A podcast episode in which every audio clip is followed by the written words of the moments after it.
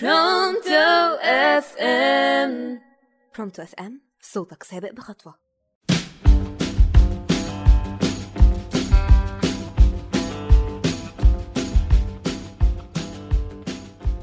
أول شي bonsoir معاكم سوزي مجدي في برنامج لوك لوك على راديو برونتو أف إم إيه الكلام على إيه؟ النهاردة موضوع حلقتنا عن بوز البطة إيه ده؟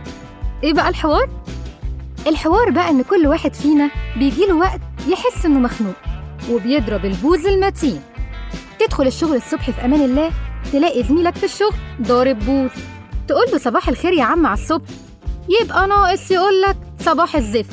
الله ليه كده بس؟ يرد يقول لك أصل الشغل متعب وكله مشاكل وأنا تعبت مم. يا عم أنت حتى لو الشغل متعب وفي مشاكل بس الحمد لله على نعمة الشغل.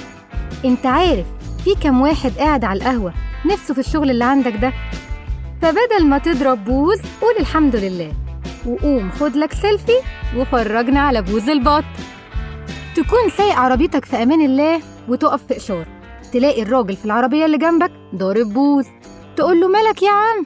يقول لك أصل البنزين غالي وكل حاجة بقت غالية والأسعار بقت نار أنا مش قادر. مم. يا عم انت. حتى لو البنزين غالي الحمد لله على نعمة العربية. والفلوس اللي بتتصرف على البنزين مش على الدواء. وحتى يا سيدي لو بتتصرف على الدواء. فالحمد لله إن أمراضنا ليها دواء. فبدل ما تضرب بوز قول الحمد لله. ويلا قوم خد سيلفي وفرجني على بوز البط. تيجي تروح من الشغل تقابل جارتك على السلم. بدل ما تبتسم لك تلاقي بوزها شبرين. تقول لها مالك؟ تقول لك البيت البيت فوق بعض. تعبت من التنظيف والغسيل وكركبة البيت؟ ولا العيال؟ مطلعين عيني مذاكرة ودروس وتمارين. يا ست انت. الحمد لله على البيت واللمة والعيلة. غيرك وحيد ويتمنى العيلة واللمة دي. فبدل ما تضربي بوز قولي الحمد لله.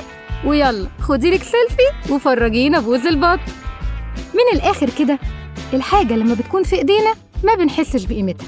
مستحيل ناخد كل حاجة كاملة. يكفينا حاجات ناقصة هتكمل برضانا. بس انت قول الحمد لله. يلا قوم خد سيلفي بس تبعتها لي. وفرجني على بوز البط. يلا مع بعض. واحد اتنين تلاتة هنقول بطيخ.